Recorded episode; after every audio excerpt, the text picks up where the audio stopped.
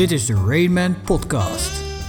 Hoe herken je de Bokito in jouw organisatie? Wat kunnen we leren van het gedrag van apen? En wat is dat eigenlijk? Professioneel vlooien met je collega's. Rainmakers Robert van Waard en Geert Stratmeijer gaan in deze podcast in gesprek met gedragsbioloog Daniel Seesink en leggen de fascinerende wereld van de apenrots bloot. Veel luisterplezier.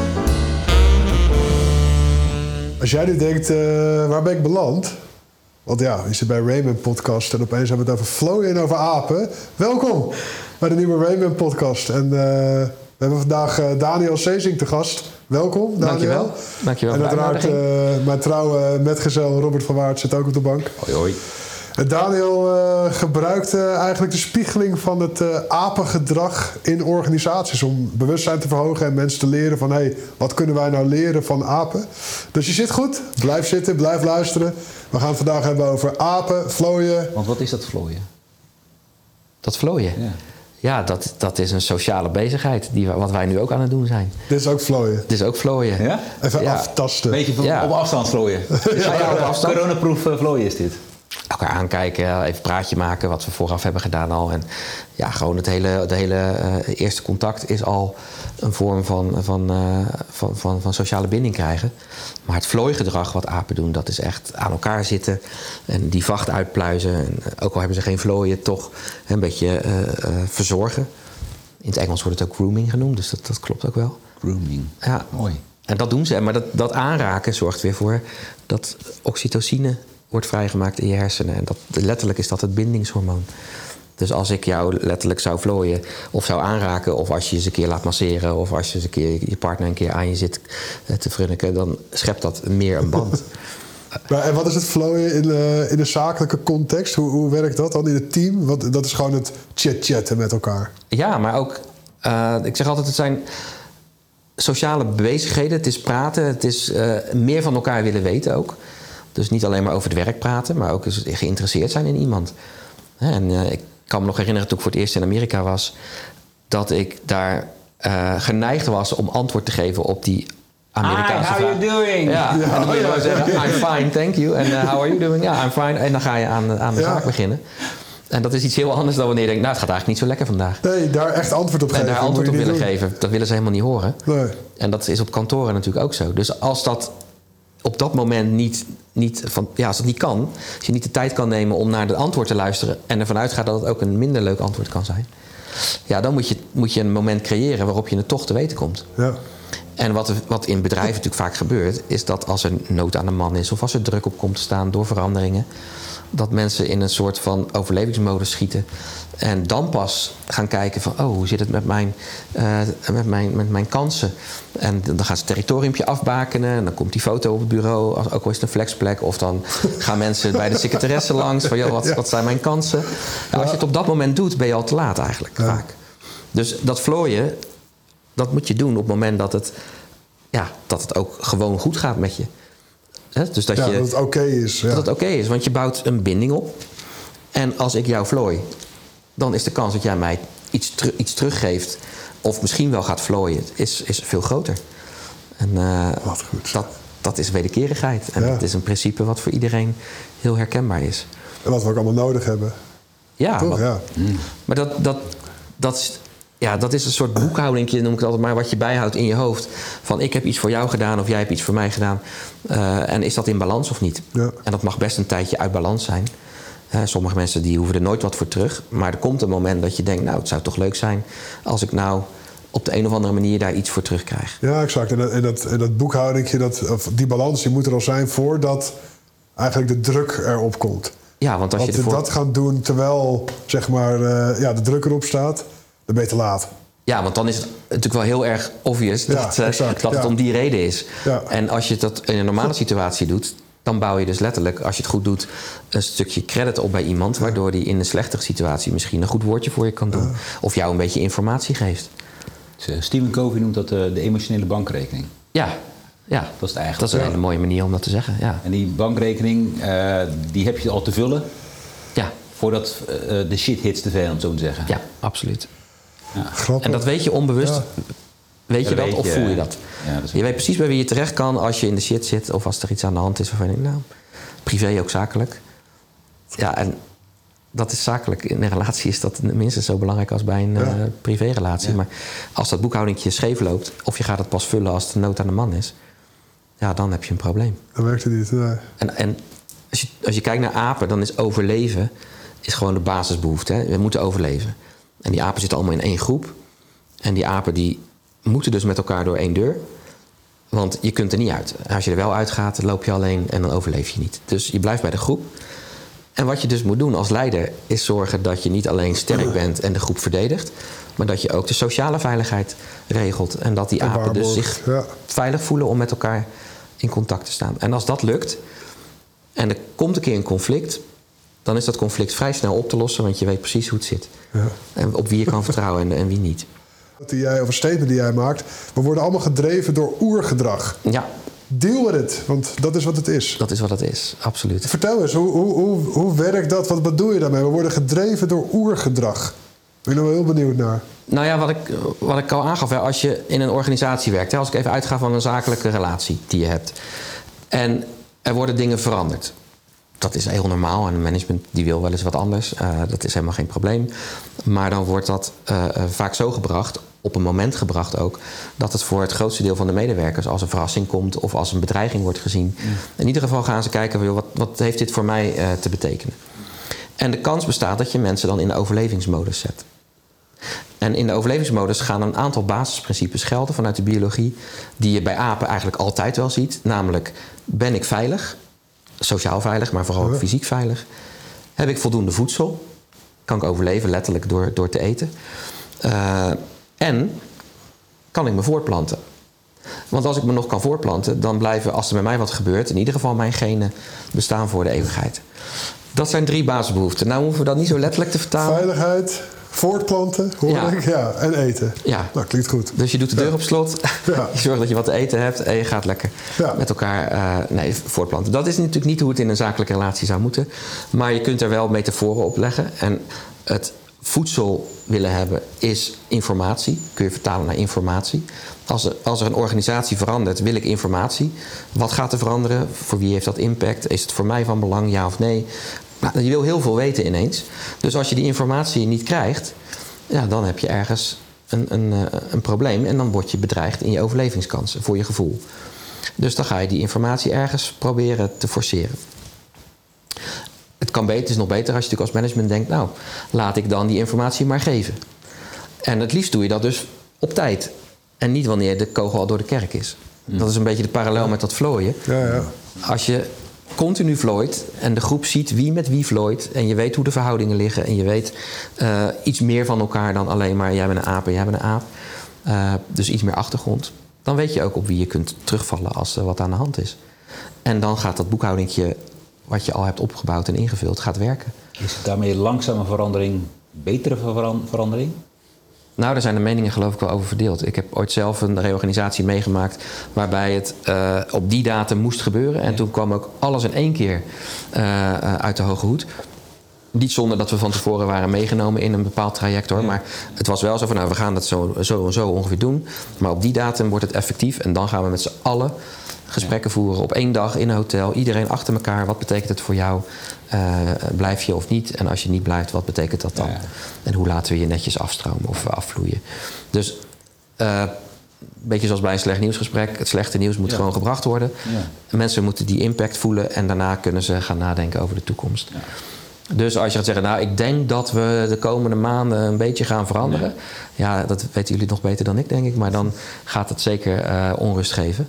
Dus, eh, maar je hoeft ook niet tot het allerlaatste te wachten met compleet uitgewerkte plannen. Omdat je, niet al, ja, omdat je ook de mensen wil betrekken erbij. Ja. Ehm, en Flowy is een uitstekende manier om op voorhand mensen te betrekken. Ja. Met kleine stukjes informatie. En die informatie is dus eh, voedsel. Ja. En als je het hebt over voortplanting in de overlevingsmodus, dan heeft dat meer te maken nog met kunnen mijn ideeën overgedragen worden op anderen. Want als mijn ideeën worden overgedragen en iemand anders doet er iets mee en die is zo enthousiast, die vertelt dat ook weer tegen 100 mensen, dan is dat ook een vorm van voortplanten. Voor- Want het is jouw idee, voor zover dat dan nog benoemd wordt. Herken ik mezelf in het verhaal straks? Ja. Herken Ja. ik mezelf in het kind Eh, maar herken ik mezelf ook in het verhaal of in de richting of dat soort. Ja, Ja. Dus word ik gehoord binnen de organisatie, mag mijn stemmer zijn. Dat is Ja. eigenlijk. Ja. Ja. Dat is ook herkennen. Hè? met- Het hoeft niet ja. per se zijn dat. Het hoeft niet per se dat ik mezelf echt mijn ideeën herken, maar in ieder geval ik word gehoord erin. Dat ja, want het kan natuurlijk heel goed zijn, trouwens dat weet je van tevoren vaak wel, dat voor een, deel van de groep er geen plek meer is in die organisatie. Dat is vaak de aanleiding om te reorganiseren. Eh, dat, dat het kleiner moet en dat de mensen op andere plekken komen, andere functies of helemaal weggaan. Dus als je die credit niet hebt opgebouwd, dan wordt dat later misschien wel heel negatief op, verhaal, eh, op verjaardagsfeestjes uitgelegd. Ja. Ehm, dus het, het luistert heel nauw. Vergelijk je dat met zo'n groep apen, bijvoorbeeld een groep chimpansees die dus altijd in één groep bij elkaar leven. Ehm, ja, dan moet het doel eigenlijk zijn dat je iedereen bij die groep houdt. En als je dat dus niet kan realiseren, omdat het nou eenmaal moet, dan moet je ze op een hele nette manier, maar wel op tijd betrekken. En ook vragen wat ze dan voor ogen hebben. Misschien zijn er wel tien die zeggen van joh, ik wil je toch al lang weg. Dus als Ja, het op deze manier kan, goed, doe ja. het maar. Nou, dan is er alweer een probleem opgelost. Ehm, dus dus, dus dat, is, dat, dat is het nut van het zakelijk, of zoals ik het noem, professioneel vlooien. Ja. En wat, wat, wat, eh, wat, wat vinden mensen ervan als jij ze vergelijkt met apen? Want ik heb dan toch zelf het idee dat wij als mensen intelligente wezens en we kunnen praten. Ja, ja. En eigenlijk zeg jij, sorry man, maar je wordt gewoon gedreven door oergedrag. En we hebben er heel veel omheen verpakt. Maar basically gaat het over veiligheid, gaat over eten, gaat over voortplanten. Ja, het valt tegen, hè? Ja, van- ja, ik merk het zelf wel. Dat ik een beetje denk, ja, eh, Daniel, kom Ja. op, wacht even. Nou ja, wat ik, wat ik eh, niet per se doe, is mensen vergelijken met apen. Eh, omdat mensen geen apen zijn. Dus dat is heel simpel. Ehm, maar ik probeer wel door naar het gedrag van apen te kijken. Eh, gedrag wat mensen allemaal herkennen. Hè. Als je naar de dierentuin gaat eh, of de kijker gaat naar de dierentuin, dan ga je altijd wel langs de apen. En dan sta je altijd wel een keer te lachen om een moment. En als het er niet is, wacht je erop. Ja. Omdat je herkenning ziet. Ja. Dus die herkenning is er. En omdat die herkenning er is, gebruik ik dat gedrag eh, om te laten zien, letterlijk met, met, ja, bijna letterlijk met een spiegel. Van kijk, als jij in zo'n situatie wordt gedreven, ga je datzelfde gedrag vertonen. Ja. En voor managers geldt dus, als je overlevingsgedrag gaat herkennen in je organisatie, dan moet je daar wat mee. Dan kun je dat niet negeren. Of als je als manager zelf bijvoorbeeld minder vaak begroet wordt of aangekeken wordt. Of er wordt minder met je geflooid.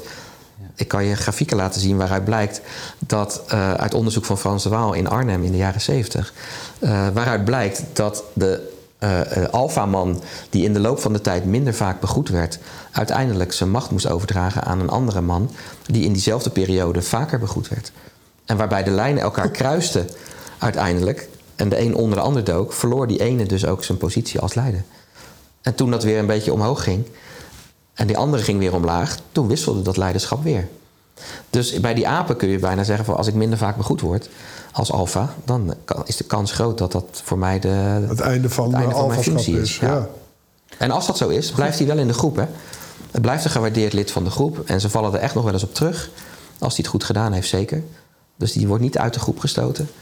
Eh, dus die chimpansees hebben altijd als, als rode draad... wij zijn als groep bij elkaar en we blijven bij elkaar. Dat is het doel Ja. van de chimpansees. Ja. Dus conflicten oplossen, of ze gewoon niet veroorzaken... is een van de belangrijke vaardigheden die je moet hebben. Hoe, hoe, hoe, oh, eh, hoe zou ik mijn vraag... eh, hoe, hoe, Ja, je begon al goed.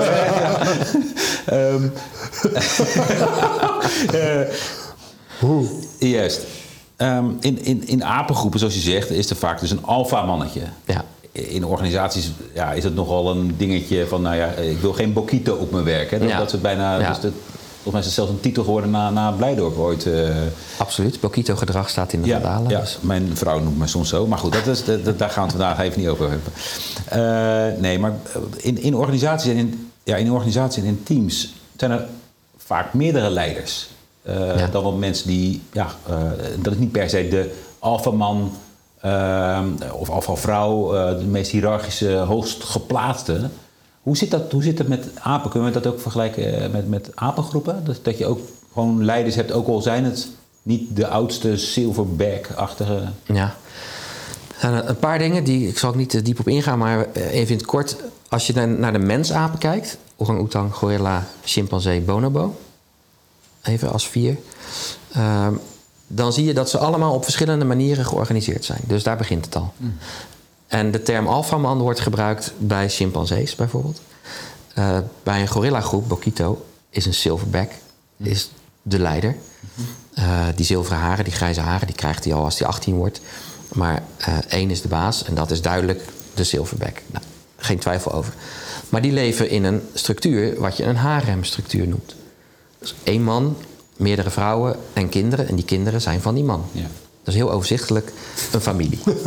ja, dat is best wel een goede samenlevingsvorm. En dus ook onbe onbetwist is hij de man en de, en de leider. Als een van zijn zonen 18 wordt en ook die zilveren haren krijgt, dan zou je kunnen verwachten dat hij het leiderschap wil overnemen. Maar dat gebeurt in de praktijk vaak niet. Mhm. Die man gaat weg en zoekt loslopende vrouwtjes, want die zijn er ook. Uh, en maakt daar een nieuwe harem mee. Want als hij de leider zou worden ten koste van zijn vader, dan moet hij gaan paren met zijn familie. Mhm. Met zijn moeder, met zijn zusjes. En dat is gewoon niet uh, verstandig, genetisch gezien. En bij ons is het bij wet verboden. Dus dat zegt ook iets. Hè? Dus, dat, dus dat is het niet. Dus die harems zijn heel stabiel, kunnen ook heel lang zo uh, intact blijven. En bij die chimpansees heb je dus een alfaman en een groep mannen die ook wel alfaman willen worden, want die mogen seks hebben en die krijgen het meeste voedsel en het beste slaapplekje en noem maar op. Uh, dus die groep mannen, daar is altijd strijd over het leiderschap als die groep groot genoeg is. En dat betekent dus dat die alfaman-positie kan best eens in de zoveel jaar wisselen. Daaronder zit een groep vrouwen, of daarnaast, beter gezegd. En die wordt aangevoerd door de hoogstgeplaatste vrouw, dus de alfa-vrouw. Meestal de oudste of die met de meeste kinderen. Gaat vaak samen trouwens. Zij is eigenlijk de leidster van de hele rest van de groep. Hmm. Dus als die mannen met elkaar iets willen, en de alfaman zit daar dus als eerste bovenop, dan moet hij wel steun hebben van die vrouw. Want als die vrouw het niet steunt, Hmm. steunt de groep het ook niet. En dan kan die al leuks aan doen, maar dan wordt er niet op gereageerd. Dus die alfaman is uh, altijd op zoek naar steun, naar coalities. En Frans de Waal heeft na dat onderzoek ook niet voor niks een boek chimpansee-politiek genoemd, omdat dat gedrag is wat hij bij chimpansees in het bijzonder waarnam. Dus het zoeken van steun, het zoeken van support door te vlooien, door een andere aap iets te gunnen wat hij anders niet mag, zorgt ervoor dat iemand als alfaman kan functioneren. Dus ja, een alfaman is wel de leider, maar meestal dankzij de steun van anderen uit de groep. En dat is dus veel instabieler dan bij gorilla's. Nou, bij bonobo's zijn de vrouwen de baas. Moet ik ook even gezegd hebben. uh, dus daar heb je een alfa-vrouw. En snappen de vrouwen de politiek wel, maar de mannen niet. Dus die moeten zich gewoon schikken. En bonobo's hebben ook een bijzondere manier om conflicten op te lossen. is ook geen tip voor trainingen, maar het is wel hoe het gaat. Als er een conflict is, dan hebben ze veelvuldig en snel, vluchtig seksueel contact met elkaar. Dat ontspant. En het maakt ook niet uit wie met wie, welk geslacht met welk geslacht. Maar het ontspant en het, maakt, uh, het haalt de kou uit de lucht, om het zo maar te zeggen. Oké. Nee, laten we dat niet als uh, nieuwe teamsamenwerkingsafspraak... Nee, uh, maar je ziet wel een soort van ontwikkeling in gedrag. Ja. Hè, van, van de chimpansees naar de bonobo. Waarin dus de vrouwen de baas zijn en uh, aan de kop staan. En waarbij ze dus dat seksuele gedrag... Althans, wij zeggen dat het seksueel gedrag is. Voor hun is het een manier van sociale omgang. Ja. Verbinding maken. Maar het is met de geslachtsorganen. Dus wij vertalen dat naar Ja, seks. seks, Maar het is ja. voor hun geen seks. Nee. Omdat ze daar, zich daar niet mee willen voortplanten. Nee. Dat, daar hebben ze gewoon weer andere rituelen voor. Nou goed, dus, en zo heb je nog orang-oetangs. Die leven eigenlijk als groep, of binnen de groep, solitair. Dus wel apart. Dus de ene aap kan hier in de jungle zitten... en de andere kan kilometers verderop zitten. Toch zijn ze een groep. En toch zijn ze een groep. En toch is er een duidelijke man. Met van die grote wangkwabben. Ja. Als die eh, volwassen is. En met geluiden overstemmen, eh, over, overbruggen ze de afstand in de jungle. En communiceren ze met elkaar. En blijven ze als groep wel bij elkaar. Maar iedereen heeft gewoon zijn eigen manier, zijn eigen plek en zijn eigen eh, vrijheid om te doen en laten wat hij wil. Dus het, het is. Het Dat is is ook wel weer een hele andere vorm van eh, organisatie eigenlijk Ja. dan, hè? Maar je ziet dus vier, vier Ja. mensapensoorten, vier verschillende vormen van organiseren. Dus als je naar mensen kijkt, dan heb je natuurlijk ook modellen om een bedrijf te organiseren. Maar als jij een groep chimpansees wilt organiseren door er een bokito bovenop te zetten, dan gaat het per definitie eh, moeilijk zijn. Ja. Misschien kan het wel, maar het gaat moeilijk zijn. Dus is, dat- is er in jouw ogen van al die vier mensapen... is er één vorm het beste? Uiteindelijk, het beste durf ik niet te zeggen, want het is afhankelijk van de groepsgrootte. Uh, gorilla's hebben een veel kleinere groepsgrootte dan chimpansees. Die kunnen tot 60, 120 individuen groot zijn. Dus daar moet je delegeren. Daar moet je informele leiders hebben. Uh, bij gorilla's zijn het groepen van 20, misschien 30. En dat is allemaal door één man wel te behappen. Omdat iedereen weet, ik moet bij hem zijn. En bij Dus, eigenlijk, dus eigenlijk zeg je de structuur moet dienend zijn aan de, ja, de, de context daaromheen. Dus een kleinere groep mag met een hiërarchisch leider werken. Dat kan dan. Of met een hè, zo werken, dat Ja. kan ook. En Ja. bij een grotere groep heb je meer hiërarchie, meer informele leiders. Ja. Ja. En wat je bij mensen ook ziet, is dat, als, omdat wij geen apen zijn, eh, wij hebben zoveel verschillende type leiderschapstijlen, maar we hebben ook zoveel verschillende type karakterstijlen. eh, dat je eigenlijk zou kunnen zeggen, als wij groepen samenstellen, dan zetten we daar een paar gorilla's in, een paar chimpansees in, een paar bonobo's in misschien, en ook nog een paar orang-oetangs. Want je hebt altijd wel een paar die zeggen, laat mij nou maar mijn werk doen. Oerang-oetang. Ja. Doet dat? Ja. Er is altijd wel één die zegt imponeergedrag vertonen of zichzelf op de borst slaan en iedereen is geïmponeerd. Nou oké, dan doen we wat je zegt, prima. Eh, dus die vinden dat ook niet erg. Nee. Maar zo heb je dus verschillende eh, eh, type apen die je eigenlijk in één groep zet. Ja, dat kost wel wat moeite. Ja. Dat, heet, de, dat heet de mensaap, toch? Ja, De mens. de mens, Ja. de, de primaat, mens. Ja, ja. En daarom maakt het voor ons zo mix van interessant. alles. Ja. Ja, Even Daniel, wat nou als, je, als je kijkt naar de, als je kijkt naar deze vier groepen apen, ja. wat, wat, wat doen zij beter dan mensen? Als je het hebt over leiderschap, zeg maar. Wat kunnen wij als mensen nou van hun leren? Nou, ze houden het overzichtelijk en simpel. En hoe doen ze dat? Doordat ze overdag niet meer hoeven te doen dan zoeken naar voedsel, zich voor te planten en zien dat ze veilig blijven. Dus dat, dat houdt het simpel. Ja, Ze hebben een heel afgekaderd pakket van dit is wat we doen. ja. En overzichtelijk, dat, hoe richten ze dat in? door de groepsgrootte behapbaar te houden. En ik denk dat je ook wel eh, studies kent die eh, iets zeggen over de ideale groepsgrootte bij mensen. Ik dacht dat het 150 was, of in militaire eh, diensten of in, in, in militaire organisaties. Niet groter dan dat. Anders is het niet meer aan te sturen. En ja, als wij dan zien dat je de afgelopen decennia juist naar schaalvergroting bent gegaan en dat iedereen nu weer terug wil naar klein, want we hebben die lijnen, korte lijnen nodig. Ja, dan, dan is dat wel een duidelijk teken, denk ik. Duidelijk teken waarin de apen het eigenlijk beter snappen dan wij. Je Ja, het hebt zullen over organisatie. Weet je, ze vragen het zich waarschijnlijk niet eens af. Nee. Maar het gaat heel natuurlijk. Ja. En als dat heel natuurlijk zo is, waarom zou het voor ons dan eh, niet ook natuurlijk zo zijn? Want zo dicht staan we er dan weer wel bij. Ja, ja. Dus wij zijn elke dag bezig om hele tegennatuurlijke dingen te doen. En dat vanuit de biologie bekeken. Hè? Ja. Dus op het moment dat je dat niet realiseert en je daar niet bewust van bent, dan snap je het niet. En als je, er- als je er bewust van bent dat je eigenlijk eh, een natuurlijke ontwikkelingen eh, wilt, wilt stimuleren of wilt versnellen eigenlijk. Ja, dan, dan moet je ook daarnaast kunnen begrijpen dat dat heel moeizaam is voor sommigen. En dat dat niet zomaar gaat. En dus moet je lange adem hebben. En dat strookt dan weer niet met vaak het korte termijnvisie, de korte termijnvisie die bedrijven hebben. Dus wat, wat, zou, wat zou een leider moeten doen? En Ik bedoel, ik, snap wat je zegt. dat We zouden kleiner, hè, dat is natuurlijker. Er zijn nou eenmaal organisaties van 10, 20, 30.000 Ja. man. Wat, heeft een, wat kan een leider van zo'n organisatie dan leren? Van welke aap was het ook weer met de gedelegeerde... Dat waren de gorilla's, toch? Of niet?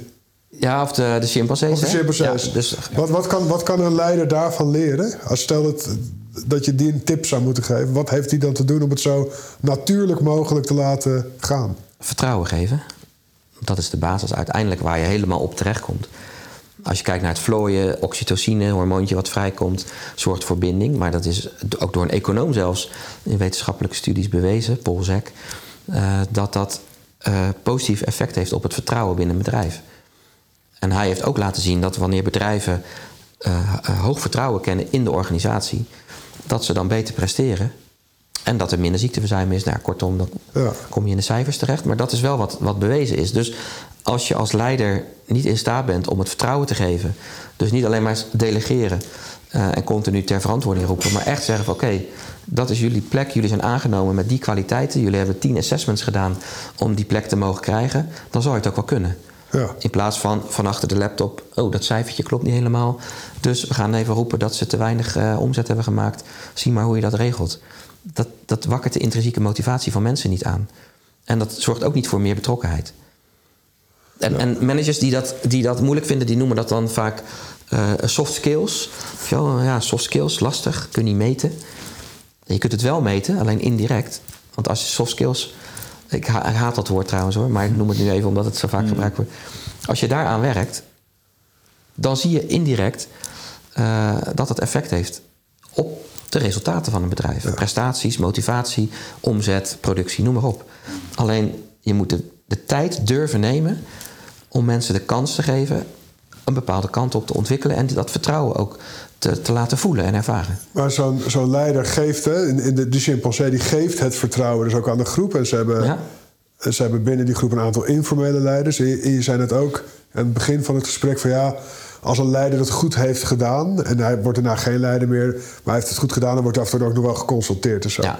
Dus er, zit- ook wel een, een, een oordeel slash waardesysteem in zo'n groep. Ja, Ja, en, dus, en hoe zorgt een, een- dan weer een mens, hoe zorgt dan, want eh, het vertrouwen geven, dat is altijd, ja, dat is een schitterende intentie. Ja. En de vraag die ik dan altijd terugkrijg is, ja, hoe doe ik dat dan? Hoe, want je ziet het wel eens, hè, dat mensen we gaan het laag in de organisatie leggen en dan doen ze heel vaak, dan laten ze alles los. ja. Hoe, hoe, wa- wat kunnen we daar leren van apen? Hoe geven apen het vertrouwen? Nou, dat begint met één heel belangrijk ding wat in bedrijven, en dat loop ik zelf ook vaak tegenaan in de sessies in de dierentuin, dat bedrijven het moeilijk vinden om een gemeenschappelijk doel te formuleren waar iedereen, maakt niet uit wie in de organisatie, zijn bijdrage aan kan leveren en, en waar je ook iedereen naar kan vragen. Dus niet een missiestatement en nog een eh, visie, zo lang die niemand kan herhalen. Eh, elke eh, business unit directeur die zijn eigen doelstellingen heeft. Maar wat is nou het gemeenschappelijke doel waarvan iedereen weet in twee zinnen of één zin: dit is waar wij het met z'n allen voor doen? Want dan kun je ook je directeur aanspreken op het feit dat hij iets doet waar hij dat doel niet mee bereikt. Ja. En ik werkte ook hard voor dat doel. Waarom jij niet? Ja. Ja. Maar als de financieel directeur als doel heeft om de kosten laag te houden, die gaat snijden in personeel of legt de werkdruk beneden neer, dat is niet het doel van die medewerker. Die medewerker wil een tevreden klant. Ja, dus dat is een duidelijke voorbeeld van één gemeenschappelijk doel Ja. over, ja, voor elke medewerker hetzelfde. Ja. Ja. Daar komt het ook altijd op neer als ik met groepen bezig ben. Dus ik kan een heel, heel eh, eh, groot verhaal daarover houden, maar het is niet meer dan dat. Ja, ook niet dus, minder dan dus een goed leider is in staat om dat doel, zeg maar voor de hele groep, eh, het, ja, behapbaar te maken en dat iedereen daar hetzelfde antwoord geeft. Ja. Ja. Creëert veiligheid. Dat creëert de veiligheid, want je bent op zoek naar iets gemeenschappelijks. Ja. En als een leider bij chimpanseegroep bijvoorbeeld in staat is om de groep fysiek veilig te houden, dan is dat maar één deel van zijn taak. Ja. Hij moet ook zorgen dat ze in een territorium leven waar voldoende voedsel is. Is dat er niet, moet ze op zoek naar een ander territorium. Eh, hij moet zorgen dat hij zijn genen doorgeeft, zodat die groep ook eh voort blijft bestaan. Ehm, maar naast het eh, eh, fysiek leiders zijn, hè, dus veiligheid bieden door kracht, door sterkte, door imponeergedrag, moet je ook empathisch zijn. En moet je ook laten zien dat je inlevingsvermogen hebt, dat je snapt wat er in die groep gebeurt. Dus moet je vlooien en zorgen. Hè, dat, het gaat altijd samen. En een mooi voorbeeld, ik denk herkenbaar ook als je, als je het voor de geest kan halen. In verkiezingstijd, de grootste leiders zeggen niet alleen wat ze willen en kunnen... en slaan zichzelf niet alleen op de borst... maar willen ook graag met een kindje op de foto. Dat ze beter houden om, om de zachtaardige kant te laten zien. Kijk eens hoe goed ik me kan inleven. Kijk eens hoe schattig. Dat roept weer een ander stukje, Ja. eh, eh, spreekt een ander stukje hersen aan... wa- waardoor je dat plaatje compleet krijgt. En dat is precies iets wat... eh, eh, ja, wat je herkent bij mensen, maar die doen dat geforceerd. En dan gelooft ook niemand het. Ja, dat zie je. Nee, dus het moet niet geforceerd zijn. Ja. Ja, dat, dat zijn. En, want geforceerd geeft geen vertrouwen. Nee. Ja, dat heeft hij bedacht. ja, exact. Ja. Maar ja, Campagneteam. Ja, Ja. Stunt. ja, ja en, eh, help. Met, ja, dat werkt hem niet. Nee. ik heb onderweg hier naartoe een interview geluisterd met een woordvoerder voor de boeren van de VVD. Ik zal zijn naam niet noemen. eh, want hij had nog nooit haatmails gehad en daar wil ik ook niet aan bijdragen. Maar eh, het is zo echt zo dat hij. Hij vertelde enorm veel eh, wat er zou kunnen gebeuren, maar concreet was het niet. Oh ja. Ja. En elke keer, hij was woordvoerder. Een woordvoerder is per definitie getraind om dingen te zeggen zoals de partij dat bedacht heeft. En het ging over de vraag waarom zijn partij, al jaren regerend, eh, toch niet in staat was geweest om die boeren een plezier te doen. En die boeren aan, de kant, aan hun kant te krijgen. Dus als ik daar naar luister, dan luister ik daar misschien ook nog wel tussen de regels door. Maar heb ik geen vertrouwen erin. Logisch, die boeren toch ook niet. Hij praat de taal van de boeren niet. Hij zegt wel dat hij daar aan tafel zit, maar hij kijkt alleen maar terug en hij komt met het zou zus of zo moeten. En misschien moeten boeren wel eh, verkopen. Nou ja, Helemaal niet het gemeenschappelijke doel en helemaal totaal niet dat. Nee. nee. En de politiek die zorgt er dus niet voor dat dat, dat niet nodig is. Die heeft ervoor gezorgd dat die boeren moesten uitvergroten. Nou ja, kortom, het is allemaal niet relevant voor dit verhaal. Maar het is wel relevant voor eh, de manier waarop je aan vertrouwen kan werken. En consistent zijn, wat je nu vertelt over twintig jaar nog. Investeren in langer termijn. Ja, exact. Ja. Ja, Dus dat, Het is een mooie link naar een andere podcast die we net, eh, laatst hebben opgenomen. Die ging over leiderschap en vooral dat leiderschap eigenlijk van heel autoritair, Bokito, Ja. eh, is gegroeid naar transactioneel. Hè? Eh, de bankrekening, het volgen, jij doet iets voor mij. Ja. Naar eh, uiteindelijk aan het doorgroeien is naar eh, veel meer echt lange termijn. Dat eh, werd Ethisch. e- ethisch genoemd, ethisch Ja. leiderschap. De, de volgende, de volgende stap weer, de volgende evolutie erin. Het gaat ook weer dat je eigenlijk je familie, je chimpansee-familie, eh, de veiligheid wil bieden. Hè? Ja. Om voor de hele lange termijn te zorgen dat die familie blijft staan. ja, Vandaar voortplanting. ervan uitgaande dat jij dan zelf ook nog onderdeel uitmaakt van die Van die groep. familie, ja. Zelfs als je geen leider meer bent. Ja. En dat is waar de mensen het natuurlijk helemaal anders doen. Want als ik mijn taakje na vijf jaar gedaan heb, of het nou een rommeltje is of niet, ik ga weer vol, de volgende commissarisklus daar- of de volgende Ja, want hoe, hoe zit dat? Dat was een vraag van mij nog. Wat, wat, wat ik heel vaak. Ik kom heel vaak in bedrijven, wij komen heel vaak in bedrijven waar het eigenlijk een tijd lang goed is gegaan en noem maar op. Maar het gaat de laatste jaren al wat minder en er moet nu echt veranderd worden. En, het, en het, daar zit, een, vaak zit daar een leider op die het bedrijf echt een heel groot stuk heeft geholpen. De volgende stap hè, wordt het dan altijd genoemd. Hè. Dan hebben ze groei doorgemaakt.